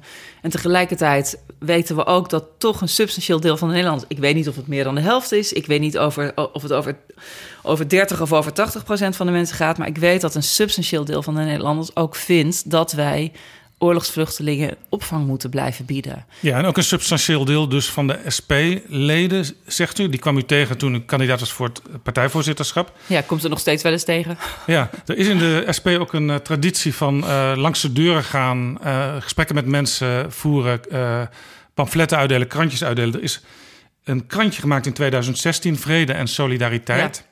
Daarvan zegt Hans van Heiningen, die oud-secretaris... de belangstelling onder de leden om daarmee langs de deuren te gaan was minimaal. Ja, dat Ze komt- wilden er niet mee langs de deuren. Dat Ja. was uw verhaal. Ja, dat klopt. En dat komt in hoge mate doordat we dat verhaal in de zomer van 2015 al hebben opgeschreven. Eh, ook in overleg met leden. Eh, en dat krantje was in principe in september klaar. Tenminste, de tekst voor het krantje was klaar. Het was ook afgestemd in de fractie. En toen zei Jan Marijnissen, maar we gaan helemaal geen krantje maken. We gaan helemaal niet eh, met dit verhaal eh, eh, langs de deuren. We gaan de afdeling helemaal niet dit verhaal laten vertellen. Jan Marijnissen Was is toen, fractievoor, was toen nog de partijvoorzitter. oud-leider van de partij. Ja. En hij was zelfs jarenlang en fractievoorzitter in de Tweede Kamer... Ja. en voorzitter van de partij. Ja. Hij is ook de vader van Lilian Marijnissen... die nu de fractievoorzitter is. En hij zat naast me in het fractieoverleg, want hij zat er meestal bij. Als partijvoorzitter zat hij meestal bij het fractieoverleg. En ja, weet je, het was toen in zijn handen om te kunnen zeggen: eh, dit gaan we wel of dit gaan we niet doen. Dus overigens ook natuurlijk, weet je, dat is een partijvoorzitter die dat dan zo eventjes besluit. Ehm, ik weet dat ik, ja, juist omdat ik in die tijd een rondgang langs de, langs de afdelingen maakte, dat er veel afdelingen wel zaten te springen om of een folder of een krantje of iets waarmee ze ook op, als ze bijvoorbeeld op een markt stonden. Hè, op zaterdag heb je vaak van die kraampjes en daar staan dan ook politieke partijen eens in de zoveel tijd. Zij waren juist wel op zoek naar, eh, naar materiaal waarmee ze aan de hand waarvan ze het verhaal goed konden uitleggen. Juist ook omdat het best wel een ingewikkeld verhaal Ja, is... en je kunt het niet altijd in drie minuten goed vertellen. Nee, klopt. En je kunt ook niet verwachten dat iedereen meteen staat te juichen als er een asielzoekerscentrum komt. Mensen maken zich dan vaak zorgen. En ik vind dat je die discussie met mensen moet aangaan op basis van valide argumenten. Je hebt als politieke partij heb je mogelijkheden, je hebt middelen, je hebt onderzoeksbudget, je kunt heel veel zaken uitzoeken. Je kunt een aantal stellingen die je zelf inneemt, kun je opschrijven. En daar kun je dan vervolgens het gesprek over aangaan met mensen. Ik had dat heel erg waardevol gevonden om dat te doen. Ehm, ook omdat ik dacht dat je op dat moment, eh, zelfs al zou je maar 10% van de mensen die op dat moment dachten van, nou weet je, we steken van links over naar de PVV, want die is tenminste tegen de eh, komst van vluchtelingen. Zelfs al had je maar 10 mensen daarvan overtuigd, ja, dat was toch een heel substantieel eh, of een heel waardevol deel geweest. Maar goed, die discussie zijn we toen niet aangegaan. Daarna heb ik nog maanden gebakken leid over hoe dat krantje er dan uiteindelijk want uiteindelijk is, het, is, is men door het congres van 28 november... eh, is men gedwongen om toch iets van de vluchtelingenkrant uit te nemen. De Dat, leden dat was dus wel een democratische correctie Ja, op ja. de partijleiding. Leden hebben daar een, eh, een eh, motie voor ingediend, meerdere moties zelf. En vervolgens heeft het geloof ik tot mei 2016 geduurd... eh, voordat het krantje werkelijk verscheen. Ja, toen was de vluchtelingencrisis natuurlijk goed deels over... En eh, hadden mensen, weet je... de- Het was- het was niet wel- meer het onderwerp Nee, op dat moment. niet meer, weet je, er was niet meer... Er werd, er werd nog wel wat gebakkeleid natuurlijk over van... eh, moet er nou wel of niet een, een, een AZC en hoe gaat het hier? Maar het was niet meer het onderwerp. Dus we hadden toen gewoon de boot gemist. Jan Marijnissen die heeft natuurlijk een verleden als het gaat over dit onderwerp. Want in 1983 kwam er een SP-brochure Gastarbeid en Kapitaal. Ja, heeft hij volgens mij wel meerdere keren... in verschillende soorten bewoordingen... min of meer afstand van genomen. En De in, in, inhoud van die brochure. in die brochure stond gewoon heel plat eigenlijk... wat voor problemen eh, Ja. zeg maar, gewone Nederlanders in oudere wijken allemaal hadden... met nieuwkomers die de taal niet spraken... die soms andere gewoonten hadden. Ja. Dat was niet de partij waar ik lid van zou zijn geworden in 1983. Ik was toen overigens zeven, dus dat had ook niet gekund. Maar eh, de partij waar ik wel lid van ben geworden, het begin van de 21ste eeuw, was een partij die juist heel sterk uitstraalde dat internationale solidariteit heel erg belangrijk was. Ehm, is ook iets wat, wat zeker onder Emiel Roemer ehm, benadrukt heeft mogen worden. Werd heel erg belangrijk gevonden. Ik denk mede omdat we. Eh, Als je kijkt naar het, in 1983 was er natuurlijk ook al veel mig- migratie, of er was ook al heel veel migratie geweest. Maar de manier waarop de grenzen voor heel veel meer Nederlanders, voor heel veel meer mensen ook in in heel veel andere landen ter wereld open zijn gegaan. Hè? Het, het, kunnen reizen, het, eh, de, de, de komst van eh, low-cost airlines, het feit dat er tegenwoordig ook mensen die niet eh, gepromoveerd zijn en een hele hoge functie ergens hebben, kunnen zeggen van hè, kinderen van die mensen die zeggen van nou we gaan een, een jaar backpacken in Australië. Weet je, de, de wereld is natuurlijk heel erg veranderd en, en nog niet in de laatste plaats ook doordat we nu veel meer weten over het leven van gewone mensen wereldwijd. Ehm, dankzij smartphones en internet. Ja, de wereld komt op allerlei manieren bij ons binnen. Precies. Je kunt ze, zonder dat ik dat een heel simpel wil afdoen, maar we zijn veel meer een, een. We zijn eigenlijk een kleinere planeet geworden in zekere zin. Reizen is makkelijker en, en er gebeurt ook steeds meer. Dus ja, een, een, eh, het standpunt wat begin 21ste eeuw werd ingenomen. Eh, als het ging om integratie, als het ging om eh, samenleven, internationale solidariteit, ja, daar voelde ik me erg bij thuis. En ik weet dat dat ook voor veel, men, voor veel meer mensen heeft, eh, heeft gegolden. Tijdens uw Kamerlidmaatschap als woordvoerder vluchtelingenbeleid, asielzaken, was ook volstrekt duidelijk waar u stond. U stond ook altijd vooraan samen met bijvoorbeeld GroenLinks, ChristenUnie, andere partijen. Eh, maar dat geluid zou dus nu niet meer kunnen in de SP in de Tweede Kamer. Ja, ik weet niet of het niet meer zou kunnen, maar het gebeurt niet meer. Ik, ik weet wel dat eh, onze huidige woordvoerder, eh, of ik zeg onze, maar de huidige woordvoerder van de SP, Jasper van Dijk, die heeft zeker wel zich uitgesproken, ook voor een verblijfsvergunning voor Lilian Hovik bijvoorbeeld. Ehm, maar ik, ik, ik vind het verder wel vrij stil, ja. Ik vind het, het is niet meer zoals dat jaar geleden was. En weet je, je kunt in een partij altijd constateren dat je niet je zin krijgt. Dat je ja, dat tijden veranderen, dat mensen voor een andere koers kiezen. En daar kun je dan kun je het mee eens zijn of niet. En daar kun je dan eh, actie tegen ondernemen in je partij. Maar ja, wat, wat zich wreekt is dat toch democratisch, het gebrek aan een, aan een enig democratisch gehalte. En eh, nou ja, daar komt nog bij dat, dat ik dus heb geprobeerd om dat aan de orde te stellen. Daarvan te horen kreeg er is geen standpuntwijziging. Maar via via wel heb vernomen dat er in gesprekken met kritische, kritische leden wordt gezegd dat het nieuwe standpunt, of het, het niet nieuwe standpunt, eigenlijk voortborduring is op, op een plan eh, de Jong Gesthuizen. Er wordt dus ook nadrukkelijk bij gezegd dat ik, dat ik zelf eh, heb, zou hebben meegeschreven aan een plan. Eh, wat, wat ging over Europese aanmeldcentra binnen de grenzen van Europa. Nou, ja, dat, is, dat is een aantal jaar geleden een plan geweest van mijn eh, SP-collega in het Europees Parlement, Dennis de Jong waar, wat een goed idee was. Wat juist ging over het. Laat mensen zich nou, zodra ze eenmaal voet zetten aan Europese wal. laten ze zich dan melden bij een aanmeldcentrum. Dan kunnen we daar ook uh, bezien. Hebben mensen enige kans in een asielprocedure? Of komen ze uit een volstrekt veilig land? Vallen ze niet onder het VN-vluchtelingenverdrag? Moeten zij terug? Uh, maar als mensen wel kansen hebben op asiel, kunnen ze ofwel uh, kunnen ze, kunnen ze ook eerlijk verdeeld worden over Europa. Dat is een goed idee, maar dat is natuurlijk iets heel anders dan zeggen: we willen ze er niet in hebben en we sturen ze terug. En het is, ja, ik vind het niet prettig dat er achter de schermen wordt gedaan alsof ik zelf, alsof het eigenlijk een beetje uit mijn koker zou komen. Hè? Het plan de Jong Gesthuizen, waar dan de, nu de nieuwe stellingname, die niet de nieuwe stellingname mag heten. Alsof dat ook. Ja, je distancieert ze daarvan van mijn, die ja, redenering. U bent dat niet mijn erfenis de moeder zijn. van dat plan. Nee, absoluut niet. Nee. Ehm, nu bent u weg uit de SP. U bent lid geworden van GroenLinks. Heeft u daarover met bijvoorbeeld eh, Jesse Klaver van GroenLinks gesproken? Nee, nee. Met andere mensen uit GroenLinks? Nee, uh, ja, ik heb wel, ik heb wel uh, uh, Elena Voortman, met wie ik altijd prettig contact had in de Kamer. Zij is overigens ook lange tijd woord voor de vluchtelingen geweest. En we Ja. kennen elkaar. Zij is nu dus- wethouder in Utrecht. Klopt, ja. Ehm, ik heb het haar wel gemeld en ook gezegd van, ja, weet je, van mij hoeft dat niet, eh, dat hoeft niet aan de grote klok gehangen te worden. Nou zijn er deze week in GroenLinks eh, deadlines voor verkiezingen. Als je kandidaat wil zijn voor de Eerste Kamer of voor het Europees Parlement... moet je deze week melden. Overweegt u dat? Nee, want ik was me daar oprecht niet van bewust. Ik, ik hoorde het vanochtend van de persvoorlichter van GroenLinks, die mij daarop attendeerde. Maar het is absoluut niet, eh, heeft absoluut niets van doen met het naar buiten komen van dit nieuws. Dus wij zien u straks niet op een van die lijsten. Eh, nee, nee, nee. Ik vind overigens ook dat als je. eh, Kijk, er zijn twee belangrijke zaken. Ik vind dat je als Nederlander. Je hebt het prachtige recht om te kunnen kiezen tussen allerlei verschillende politieke partijen. Dus ik zou bijna willen zeggen: er is voor elk wat wils. Bijna.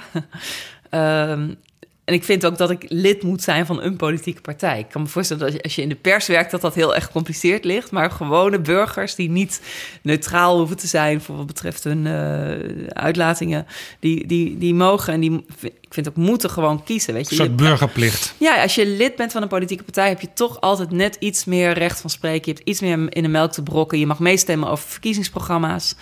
Als het goed is, als de partij dat voldoende democratisch regelt. Eh, dus doe dat. Hè.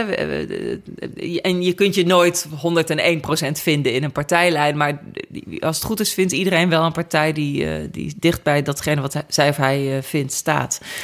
Dus dat is één. En twee, als je lid bent van een partij, dan ook voor, voor mij eh, geldt dat. Eh, het feit dat je ooit Kamerlid bent geweest, wil niet zeggen dat je, met, dat je lid moet worden in de hoop dat je daar dan een baantje eh, kunt scoren. Volgens mij moet je, als je lid wordt van een partij, vooral eerst beginnen met vrijwilligerswerk. Dat heb ik in ieder geval bij de SP ook gedaan. Gewoon de krantjes rondbrengen en op lokaal niveau eh, eh, meehelpen met de acties. Dus Bent u op lokaal niveau al binnen geweest bij GroenLinks? nee, nog niet. Nee, ik heb wel contact gehad, maar niet. Even terug naar 2017, de Tweede Kamerverkiezingen. ja. U besloot toen eh, niet meer kandidaat te zijn. Was dat een besluit wat u helemaal zelf nam? Of waren er ook signalen dat het misschien wel mooi geweest was vanuit de SP? Nee, helemaal niet. Dat laatste zeker niet. Eh, ik heb dat eigenlijk besloten na, terwijl ik op, op een reis was eh, in Griekenland. En dat was een, een rei- reis die in het teken stond van de asielinstroom. En dat was ook het moment waarop ik dus in... Het was begin 2016. Ik had net die voorzittersverkiezing verloren. Had tegelijkertijd wel voor mijn inhoudelijke bijdrage... waar het ging om, om asiel... had ik een enorme steun in de rug gekregen. Echt een hele stevige steun van het congres. Ehm, dat krantje lag klaar. Dat moest dus moest nog helemaal herschreven worden. We bleven er maanden over bakkeleien. eh, maar dat lag er wel. En ehm, nou ja, ehm, toen ik op reis was eh, met de Kamercommissie Europese Zaken in eh, Griekenland en Macedonië. ehm, en daar weer zag wat, wat eh, bij de grens met, met Macedonië was een.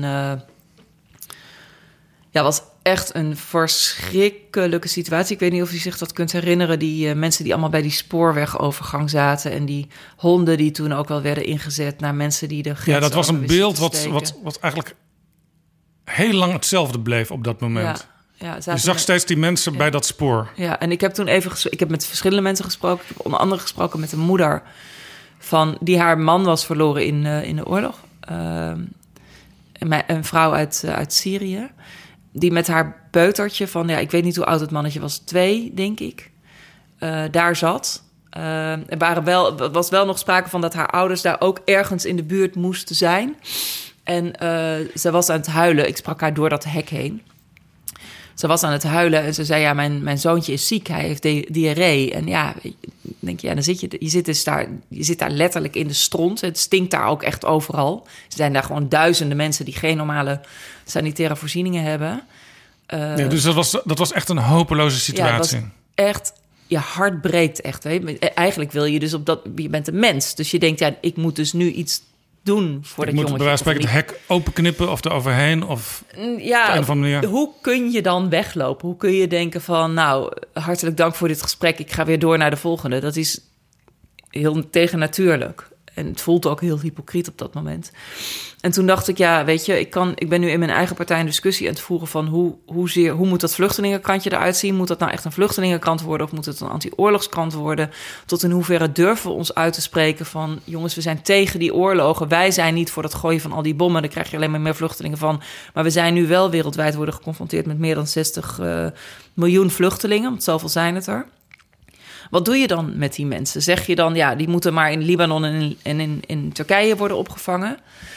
Uh, of durf je dan ook te zeggen, nee, nu is die situatie zo, dus we vangen ze op. Nou, ik had wel het vermoeden dat ik dat gewoon niet goed voor elkaar zou krijgen. En ja, ik ben 40, dus ik dacht, ik ga ook niet lopen trekken aan een dood paard. Ik bedoel, deze mijn energie dan ook te, te goed voor. Maar u stond daar bij dat hek, u zag die ellendige situatie. Ja. En u dacht op een gegeven moment ook aan uzelf van... kan ik nog goed genoeg voor deze mensen opkomen als Tweede Kamerlid voor de SP? Ja, nou ja, en ik had dus het vermoeden dat dat niet het geval zou zijn. Dus dat ik dan dus beter kon stoppen. Dus die mensen die juist uw hulp Ja, extra hard nodig hadden Ja. op dat moment... liet u op dat moment, klinkt een beetje wrang, in de steek. ja goed, ik heb nog een jaar lang eh, het woord gevoerd natuurlijk. Eh, maar dat klopt, ja, daar kwam wel een einde aan, ja. U heeft uh, een paar jaar En geleden... overigens, ik vind, dat, ik vind dat een terechte vraag. Ik vind dat ook een... Dat is ook een dilemma geweest de afgelopen... Nou, niet de afgelopen maanden, maar tussen januari en, en mei. Het moment waarop ik lid werd van GroenLinks... en het moment waarop ik uiteindelijk toch opzegde bij de SP. Dat is een... eh, Ja, want u was dus nog even dubbel lid. Ja, klopt. Ja. Kijk, je kunt zeggen: uh, ik ga ervoor en ik gooi mezelf helemaal in de strijd en ik ga die strijd aan. En dan vecht je. Hè? Dus dan, je zou kunnen zeggen: ja, dat is eigenlijk nobeler dan op een gegeven moment zeggen: van uh, ik gooi het beltje erbij neer. Dat is één. Uh, dus die keuze kun je maken. Maar de andere keuze is ook dat je kunt zeggen: ja, maar als ik hierbij blijf en ik blijf lid, dan legitimeer ik ook dat dit standpunt wordt ingenomen. En dat wil ik niet. Ik ga dan dus liever. Uiteindelijk is het ook gewoon een hele simpele, rationele keuze. He, je gaat toch zoeken. Je, je, je, wil graag bij een partij horen die in jouw ogen wel uh, de juiste koers uh, vaart. En dat is dus gebeurd. U heeft één jaar geleden na uw Kamerlidmaatschap een boek gepubliceerd over uw geschiedenis binnen de SP. Daar staan hele harde dingen in over uh, mensen als Jan Marijnissen, die die partij lange tijd in zijn greep had. Aantal mensen noemt u in het boek, die waren het vaak wel met u eens, of in ieder geval die hadden ook wel bezwaar tegen de manier waarop die partij op sommige momenten geleid werd. Bijvoorbeeld Tjitske Siderius, uh, Fashad Bashir, Erik Smaling, Harry van Bommel, Paulus Jansen, Ewout Eergang. Maar dat waren allemaal mensen die in de loop van de tijd, en zeker ook bij de afgelopen verkiezingen, uit de Kamer uh, vertrokken zijn. Had u ook het idee, ik, ik word te eenzaam binnen die groep? Nee, dat was niet zo. Nee. nee, het is denk ik echt een afweging geweest. Waar kun je het meest betekenen en waar wil je je energie in steken als je nog in de bloei van je leven bent? Ik ben nu inmiddels 42, ik vind mezelf nog steeds in de bloei van mijn leven. Um, waar wil je dan je energie in steken? Hoe wil je dat dan doen? Waar, waar wil je, uh, waarvan voel je dat, het, uh, dat je op de goede plek zit en waar kun je bijdragen aan iets positiefs? En als het te negatief wordt, hè, als je het gevoel hebt dat je. Ik had natuurlijk op het moment dat ik die beslissing nam, uh, had ik natuurlijk een half jaar van knokken achter de rug. Hè. Toen had ik echt in augustus 2015 liet ik weten dat ik partijvoorzitter wil worden. En toen heb ik vier, vijf maanden echt heel erg hard gestreden om mijn visie voor het voetlicht te brengen. En, en uh, zoveel mogelijk mensen mee te krijgen. In dat en het ging ook best goed. Ja, klopt. Maar ik heb het niet gered. En uh, daar moet je dan ook gewoon heel eerlijk in zijn. Uh, en ja, dat betekent dat zo'n partij uiteindelijk dan dus blijkbaar toch een andere koers wil dan waar jij je thuis bij voelt. Die uitslag die was uiteindelijk 41 tegen 59. Ja. 59 voor Ron Meijer. Is dat een volledig democratische uitslag naar uw idee? Nou ja, kijk, 2% van de leden mocht, uh, geloof ik, stemmen. Klopt dat? Ja, 2% van de leden ongeveer. Die waren afgevaardigd? Ja. Uh, dus nee, dat had natuurlijk wel beter gekund. Maar dat wil helemaal niet zeggen dat het dan anders zou zijn geweest. Misschien had ik dan wel met 39 of met, met 25 procent verloren. En misschien had ik wel gewonnen, dat weet je niet. Maar, uh... Emiel Roemers zei na de verkiezing van Ron Meijer... we hadden al heel lang intensief contact. We waren al een tandem. En nu is dat ook officieel geworden. Klopt. Ja, ja, ja. Het was natuurlijk voorgekookt. dus dat is de bedoeling vanuit de partijtop... dat Absoluut. Ron Meijer de partijvoorzitter zou worden. Tuurlijk. Ron Meijer is ook een pupil, zou je kunnen zeggen, van Jan Marijnissen. Ja, maar ook wel van uh, Riek en Jan de Wit uit Heerlen. Die ook al sinds decennia in de partij ja, rondlopen. Ja. En, en het is natuurlijk ook een, een FNV-pupil. Dus het is niet, ja. ik denk niet dat hij volledig is gevormd door Jan Marijnissen. Dat denk ik niet. FNV waar ook Lilian Marijnissen ja. actief was, de Klopt. dochter van Jan. Ja. En Ron Meijer heeft natuurlijk ook erbij gestaan... en denk ik ook bevorderd dat Lilian Marijnissen de politiek leider zou worden in de Tweede Kamer? Ja, dat zou ik niet weten, want ik was toen natuurlijk al vertrokken. Maar uh, ook daarvan lijkt het me vrij duidelijk dat het van tevoren wel bedacht was dat Lilian en op een hoge positie in de Kamer moest komen. Dus op een hoge positie op de lijst moest komen. En ja. Is de SP een, een soort familiebedrijf van een heel klein groepje waarin de Marijnissen een hoofdrol spelen? Uh, ik vind het lastig om dat te ontkennen sinds uh, afgelopen december. Ik vind het wel, ik vond het toen wel, ik vond het wel heftig dat, dat Lilian uh, zo snel al. Ik weet niet meer welke journalist dat aan haar vroeg. Van u heeft eigenlijk nog helemaal geen grote debatten gedaan. Maar dat was wel waar natuurlijk. Dus ja, dan is de vraag of je ja, overduidelijk andere getalenteerde. of andere overduidelijk getalenteerde mensen die veel meer kamerervaring hebben. Of je die dan uh, moet passeren. Ja, want Saadet Karabulut, die zich ook kandideerde... en met wie u best wel vaak samen bent opgetrokken... Ja. tijdens uw Kamerlidmaatschap... stelde zich ook kandidaat, maar die merkte eigenlijk meteen al... dat is niet de bedoeling dat ik mijn kandidaat stel. Dat heb ik Saadet niet zo horen zeggen. Het is niet de bedoeling dat ik mijn kandidaat stel... maar het is wel echt zo dat uh, Lilian Marijnissen al weken, zo niet maanden eerder op, het, op de hoogte was van het vertrek van Emiel Roemer. Uh, en dus heeft volledig heeft kunnen voorsorteren op een, uh, op een machtsovername. En Sadet minder dan 24 uur de tijd had om zich voor te bereiden. En, en haar gedachten daarover op papier te zetten en, en die strijd aan te gaan. U wilde de partij democratischer maken.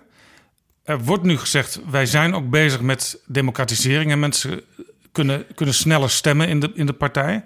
Dus je zou kunnen zeggen, Ron Meijer voert voor een deel uw plannen uit. Maar toch zegt u, en dat bleek ook in december toen Lilian Marijnissen aantrad... het is een heel klein groepje dat het in de SP voor het zeggen heeft. Ja, dat denk ik wel. Um, en dat blijkt nu dus op een pijnlijke manier met dat vluchtelingenstandpunt ook. En ja, dan kun je wel uh, een experiment uh, houden met uh, mogelijkheid voor mensen om te stemmen via een afdeling. Want je moet dan dus wel naar de afdelingsvergadering toekomen. En ja, het is natuurlijk niet echt heel gemakkelijk gemaakt. Het is niet dat mensen gewoon een brief kunnen sturen of hun stem kunnen insturen of via internet kunnen stemmen of wat dan ook. Nee, je moet wel eerst een soort van bewijzen dat je in die afdeling iets, iets bent. Ehm, maar je kunt daar wel een experiment, experiment mee houden. Maar als je dan tegelijkertijd op een van de discussieonderwerpen waarvan je. Kijk, je, misschien staat dat onderwerp qua uh, belang bij de SP wel op 30 of op, of op 40. Hè. Misschien zijn er wel honderd andere onderwerpen waarvan je zou moeten zeggen, nou dat is in de, in de partij veel belangrijker.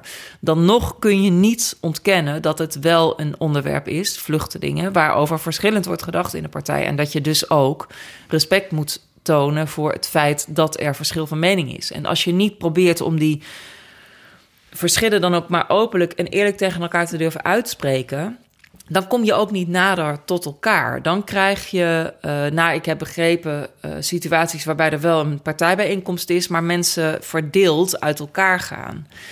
En ja, dan koers je volgens mij juist aan op een splitsing in de partij. En weet je, ik heb echt heel lang geprobeerd om het droog te houden, maar het lukte me niet meer. Ik, en het is echt niet een prettig gevoel als je denkt. Uh, ik krijg er echt letterlijk een steen van in mijn buik. Uh, ik wil eigenlijk alles geven om ervoor te zorgen dat ik dit goed kan doen. Dat ik hier uh, actief in kan blijven en mijn bijdrage kan blijven leveren. Ik wil ook blijven knokken voor die vluchtelingen. Maar ik, het lukt me niet meer. Dus ja, ik heb geen andere keuze dan, dan weg te gaan. Dat is heel naar. Dat, het doet ook geen recht, denk ik, aan, ja, aan geschiedenis, aan, aan uh, in, intrinsieke motivatie van mensen, uh, van waarom ze ooit bij de SP verzeld zijn geraakt. In uw boek schreef u een jaar geleden een aantal voorvallen met Jan Marijnissen toen die nog heel belangrijk was in de SP. Maar u schreef ook toen Jan weg was van het Binnenhof, want als voorzitter van de partij kwam hij nog steeds op het Binnenhof. Ja. Daarna niet meer. Dat was het moment dat, dat u niet gekozen werd, maar Ron ja. Meijer. Uh, u had met Emiel Roemer ook best wel een goede relatie. U, u, kreeg veel ruimte ook van, van Roemer. Maar speelt dan toch in zo'n partij waarin een heel klein groepje blijkbaar het uiteindelijk bepaalt, dat u toch iets een beetje van dat die herinneringen aan hoe het met Jan toen onder Jan Marijnissen ging weer bovenkomen als u mensen als Ron Meijer en Lilian Marijnissen bezig ziet? Nou, nee, ik denk dat Ron echt wel een heel ander persoon dan, uh, dan Jan. Uh, en ja, weet je, uh, hoe je het ook ziet. Ik bedoel, Jan heeft wel heeft de partij ook op heel veel punten ontzettend goed geleid. Dus uh, hij heeft de partij natuurlijk samen met heel veel mensen die naast hem stonden en achter hem stonden en om hem heen stonden. dat wordt wel eens vergeten in partij historische verhandelingen. samen met, met heel veel andere mensen heeft hij die partij natuurlijk wel echt groot gemaakt. En uh, ik ben nooit lid geworden van de SP uh, om Jan Marijnissen, absoluut niet. Ik ben lid geworden om, vanwege standpunten. En hij, hij zorgde er op een bepaald moment zelfs voor dat één op de zes kamerzetels SP waren. Ja, dat klopt, precies. En dat was ook, de, mensen zeggen dan wel eens van... ja, je bent op de vleugels van, uh, van Jan de Kamer binnengekomen. En dat, dat, vind ik ten dele is dat waar, want hij was lijsttrekker, hij was fractievoorzitter. En tegelijkertijd heeft hij dat natuurlijk nooit in zijn eentje kunnen doen. Ik bedoel, weet je, de SP heeft in die periode daaraan voorafgaand juist laten zien dat ze expertise hadden, dat ze met geloofwaardige alternatieven kwamen. Uh, en ja, heeft ook laten zien dat ze een partij waren die voor positieve integratie waren, die voor internationale solidariteit waren. Er zijn heel veel mensen die lid zijn geworden van de SP, juist vanwege de buitenlandstandpunten, omdat zij zeiden wij, wij zijn tegen die, die zinloze, die bloedige interventies wereldwijd. Ja, en waarbij we maar denken... ook Harry van Bommel vaak benadrukte. Harry ja. is ook weg. Ja. Dus, dus heel veel mensen hebben die partij groot gemaakt. Ja. Hoewel Jan Marijnissen ook een keer, schrijft u in uw boek, uh, voeterde toen hij een keer boos was in de fractie. Vroeger deden we alles Ja. met z'n tweeën Ja. en kregen we meer van elkaar, voor elkaar dan jullie nu met z'n 25 Ja. Hij bedoelde uiteraard de grootte van de fractie. Hij refereerde aan de tijd dat hij samen met Remy Poppen Ja, ze kwamen met z'n tweeën in de in kamer. de kamer zat. Ja, precies. Hele kleine fractie. Ja. En eh, ik denk dat het een misvatting is. Kijk, als je kijkt naar, dan moet je even je voorstellen hoe dat in zo'n politieke arena werkt. Als je een fractie van twee of drie of vier mensen hebt, dan ben je heel veel in beeld. Dat gebeurt nu ook met Baudet natuurlijk. Hè? Want je doet eigenlijk alle grote debatten, doe je zelf. En in een fractie van 25 of in een fractie van 40 is dat veel ingewikkelder. Dan heb je ook wel één of twee kopstukken, maar er zijn echt niet al die 38 of, of, of, of 40 andere Kamerleden. Dus het zijn- voordeel als je met z'n tweeën zit, dan, dan heb je alles in de hand. Ja, dat denk ik ook, ja. Ja, absoluut. Ehm, hoe groot die partij ook werd, dat vond Jan toch wel een prettig idee. Alles in de hand hebben. Ja, dat heeft hij me nooit zo gezegd, maar dat was wel, zeker wel de indruk die ik kreeg, ja. ja. Hoe doet Lilian Marijnissen het nu als nieuwe fractievoorzitter? Ik denk dat ze het voor een eerste keer bij de algemene beschouwingen heel goed deed. Ja, ik zelf dacht toen ik haar hoorde spreken. Ze, ze heeft echt getraind. Ze, ze praat rustig, eh, maar ook gedecideerd en met de nadruk op de juiste dingen. Ja, daarvan vind ik overigens dat Lilian dat sowieso wel doet, hoor. Rustig, gedecideerd, ja. Maar vervolgens kwamen er interrupties van onder andere Pechtold En en Buma. Buma. Ja. En toen raakte ze de draad kwijt. Ja, ik, zat, eh, ik heb het ge- gedeeltelijk gevolgd vanuit Tbilisi. Daar was ik een paar dagen. Tbilisi. Ja, inderdaad, in Georgië. En toen dacht ik eh, bij de interruptie van, van Buma... want die van Pechtold heb ik niet gezien... maar die van Buma heb ik even teruggekeken. Toen eh, dacht ik wel van ja, dat, dat is moeilijk. Hè? Dat, zo'n moment dat je dan eh, met zeer ervaren fractievoorzitters... Ja, het ging ook over een voorbeeld over Organon in. Ja, Os. En ja. dat, dat moet je natuurlijk wel even paraat hebben op dat moment. Ja, het, het- wat je denk ik paraat moet hebben is, het, is wijzen op het verschil eh, dat je als je zo'n bedrijf nationaliseert, dan bezit hebt, net zoals we dat bij de banken hadden. En dat je dat bezit uiteindelijk ook weer te gelden kunt maken. Ja, dus, dus En dat is iets anders dan Ja. de dividendbelasting afschaffen en zeggen: ja, we hebben nu die inkomsten niet meer, maar we krijgen er feitelijk ook niks voor. terug. Nee, dus in feite haalde Buma dingen door elkaar die je, als je ze uit elkaar trekt, eh, he- heel erg los van elkaar staan. Ja, vind ik wel. Ja. Ik, vind het, ik vond het een terechte vraag van hem. Maar ook wel, eh, ja, ook wel gebaseerd op een totaal onzinnige vergelijking. Ehm, binnen links, want u komt uit de ene linkse partij, u bent naar de andere linkse partij overgestapt. Hoor je om de zoveel tijd, bijna met de regelmaat van de klok, pleidooien voor links samenwerking. Ja. Misschien zelfs wel ooit een grote Visie, ja. linkse Ja. of progressieve partij. Komt die er ooit? Poeh. Ja, kijk, we hebben net een heel gesprek. We zijn een heel gesprek aan het voeren als het gaat om vluchtelingenrechten. Ja, ik zie dat dus op korte termijn. eh, als ik heel erg met die bril naar kijk, nu, eh, dan zie ik dat niet gebeuren. Of het heel goed zou zijn voor links om meer de eh, krachten te bundelen. Daarvan ben ik overtuigd. Ik bedoel, je hebt natuurlijk gezien dat een deel van het, het, het weglopen van hè, toch een, een, een behoorlijk aantal kiezers van links naar, naar meer midden en, en rechts. Dat dat samen heeft gehangen met eh, het, de steeds regeringsverantwoordelijkheid nemen van de door de Partij van de Arbeid. Zonder dat ze de dienst konden uitmaken in eh, het kabinet. Dus ze waren te klein om een voldoende stempel te drukken op wat er gebeurde. Hebben daarmee toch wel, hè, ik denk aan de sociale werkplaatsen. Ik denk aan eh, zaken die met het ontslagrecht van doen hebben. eh, sociale problematiek zoals we die nu zien met, met, met woningen. Volstrekte allerlei zaken waar gewone mensen in Nederland... die niet een, eh, een ton of twee op de bank hebben... iedere dag mee van doen hebben en mee te maken hebben. De bezuiniging in de zorg.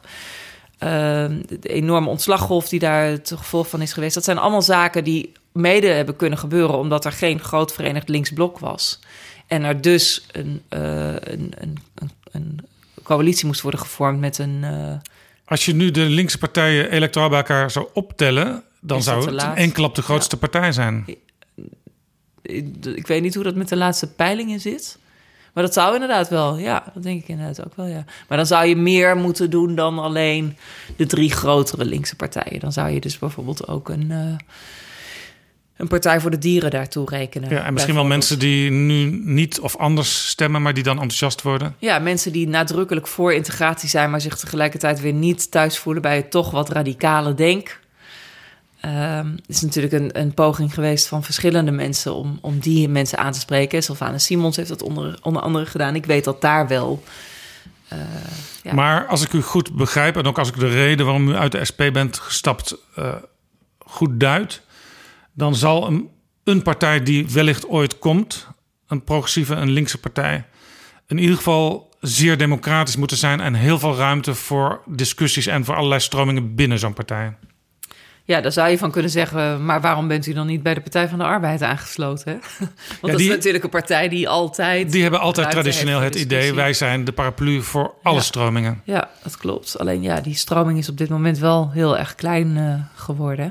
Is het dan puur een electorale overweging voor u? Nee, nee, maar voor, ook voor mij gold namelijk dat ik twee keer... Ik heb natuurlijk twee keer moeten zien hoe de Partij van de Arbeid zitting nam in een kabinet... wat alles behalve links beleid eh, uitvoerde. Ja, dat, dat, dan knapt er wel ergens iets ook in je. Ja, Eh, democratie vind- is inderdaad eh, heel erg belangrijk. Maar ik vind, ik kan niet genoeg benadrukken dat internationale solidariteit ook echt iets is waar links zich op moeten laten voorstaan.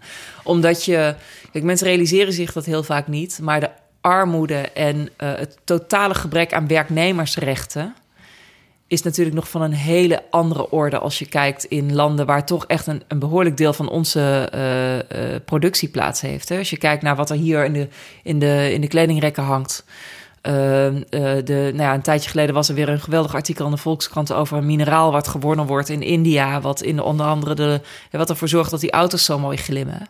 Ja, de productieomstandigheden van die werknemers. En dan hebben we het over mensen die soms acht of negen jaar oud zijn ja, dat is iets waar je, als je gelooft in, in solidariteit, in, in het gedachtegoed van werknemersrechten, dan is dat iets waar je niet je ogen voor kunt sluiten. Je kunt niet zeggen, weet je wat, we zitten hier veilig achter de dijken. Uh, zolang wij maar goedkoop onze boontjes uit Kenia en goedkoop onze truien geproduceerd in Bangladesh kunnen kopen, dan is het voor onze werknemers wel goed geregeld. Ik zit niet zo in elkaar. En volgens mij is dat iets waar je ook intellectueel gezien, waar je in, links in, uh, in moet voorop uh, durven lopen. Dat doet mij denken aan de tekst: Het rijke Westen is geen eiland en Europa is geen fort. Wie bang is voor wat vreemd is, doet vooral zichzelf tekort. Waar komt dat uit? Ik krijg weer kippenvel. Dat is een, uh, een lied of een gedicht dat is geschreven door Karel Glastra van Loon. En dat is een lied wat heel erg vaak gezongen is door Bob Fosco tijdens SP-congressen. En daar heb ik meerdere keren ook vanaf het podium, maar ook gewoon vaak in de zaal op mogen dansen, omdat dat uh, werd vertolkt dan. Dat is een mooi lied. Een tijdje geleden, toen u al uit de Kamer was, toen was er een pamflet op de partijraad van de SP met als titel Stop het rechtsafgaan van de SP. Daar werd ook aan dit lied gerefereerd. Ja. Dat is eigenlijk precies uw koers ja. die daar uitvergroot werd. Ja, ik, ik ben er wel dankbaar voor dat ik niet alleen sta in mijn zorg hierover. En ik weet ook dat er mensen heel erg hard uh, strijden om dit in de partij juist wel uh, recht te buigen. En ik hoop dat ze daarin slagen. Maar zonder u? Uh, achter de schermen ben ik altijd bereid om mee te denken en mee te praten, maar uh, niet als lid, zeker niet. Nee. Kijk, een van de dingen die ik, zou ik echt nog wel willen zeggen, een van de dingen die ik vaak heb gedaan, afgelopen voorjaar niet, maar de, alle jaren daarvoor wel, is het wandelen van de Nacht van de Vluchteling. Ehm, dan zie je meestal dat er ook wel verschillende politici aan meedoen, maar het leukste daarvan is dat je ziet dat er echt allerlei verschillende mensen, jong, oud, uh, van allerlei verschillende etniciteiten, geloofsovertuigingen, die zijn daar en, en op steeds meer plekken in, uh, in Nederland, die zijn dan, die laten zien dat je een, een stukje cynisme omver kunt schoppen. Weet je, als je je samen verenigt en laat zien van ja, wij, wij zijn bereid om een heel klein stukje van ellende die vluchtelingen moeten doorgaan, namelijk s'nachts wakker blijven, door moeten lopen. Uh, overigens wel allemaal op, op comfortabele, goede wandelschoenen. Hè? Dus het is niet te vergelijken, realiseer ik me meteen. Maar je kunt zo wel laten zien dat, dat, dat je, je elkaar daar juist ook heel erg in vindt. En dat is een stukje geloof wat ik, wat ik heb gemist de afgelopen tijd. En dat hoop ik wel weer terug te vinden. Als Jesse Klaver u vraagt, uh, Sharon, ben je bereid om te overwegen je kandidaat te stellen voor een functie in GroenLinks? Zeg je dan, dat ben ik bereid? Ik ben nog steeds politicus genoeg om te weten dat je niet moet reageren op als-vragen. Dus daar heb ik geen antwoord op.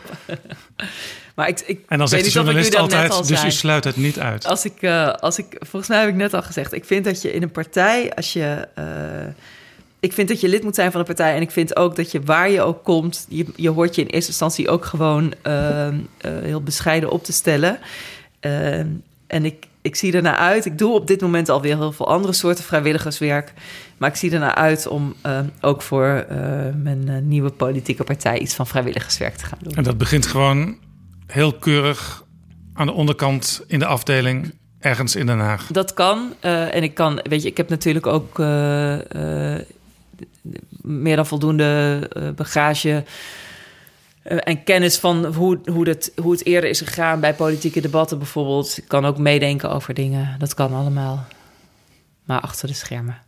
Wij zullen nog van u horen. Dank u wel, Sharon Gesthuizen, om te gast te zijn in Betrouwbare Bronnen. En voor wie meer wil weten van Sharon, kan ik het boek aanbevelen dat naar het Kamerlidmaatschap gepubliceerd werd bij uitgeverij De Geus. Schoonheid, macht, liefde in het leven en de politiek. Een boek waarin je echt wordt meegetrokken in uw leven heel veel mooie details, soms ook wat macabere details over hoe het in die partij toeging. Maar het vertelt heel veel over de SP van toen. En blijkbaar, als ik uw verhaal nu hoor, zegt het ook nog wel wat over de SP van nu. Democratisering blijft heel erg belangrijk, denk ik, voor de partij. Dank u wel. Graag gedaan.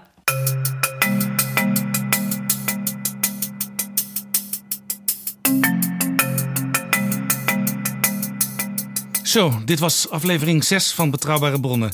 Ik ben benieuwd wat je ervan vond, van het verhaal van Sharon, van de wens van PG. En misschien heb je ideeën of tips voor de toekomst. Laat het me weten via Twitter bij apenstaart Jaap Jansen. En je kunt ook reageren via apenstaart PG Kroeger. Daarnaast kun je ons ook mailen. Dat adres is betrouwbare bronnen apenstaart dag en nacht.nl. Dus betrouwbare bronnen apenstaart dag en nacht.nl. Ben je enthousiast? Vertel dan ook je vrienden dat ze zich kosteloos kunnen abonneren via iTunes. Betrouwbare bronnen verschijnt dan elke week ook in hun luisterlijst. Tot volgende week. Hoi. Betrouwbare bronnen wordt gemaakt door Jaap Jansen in samenwerking met dag en nacht.nl.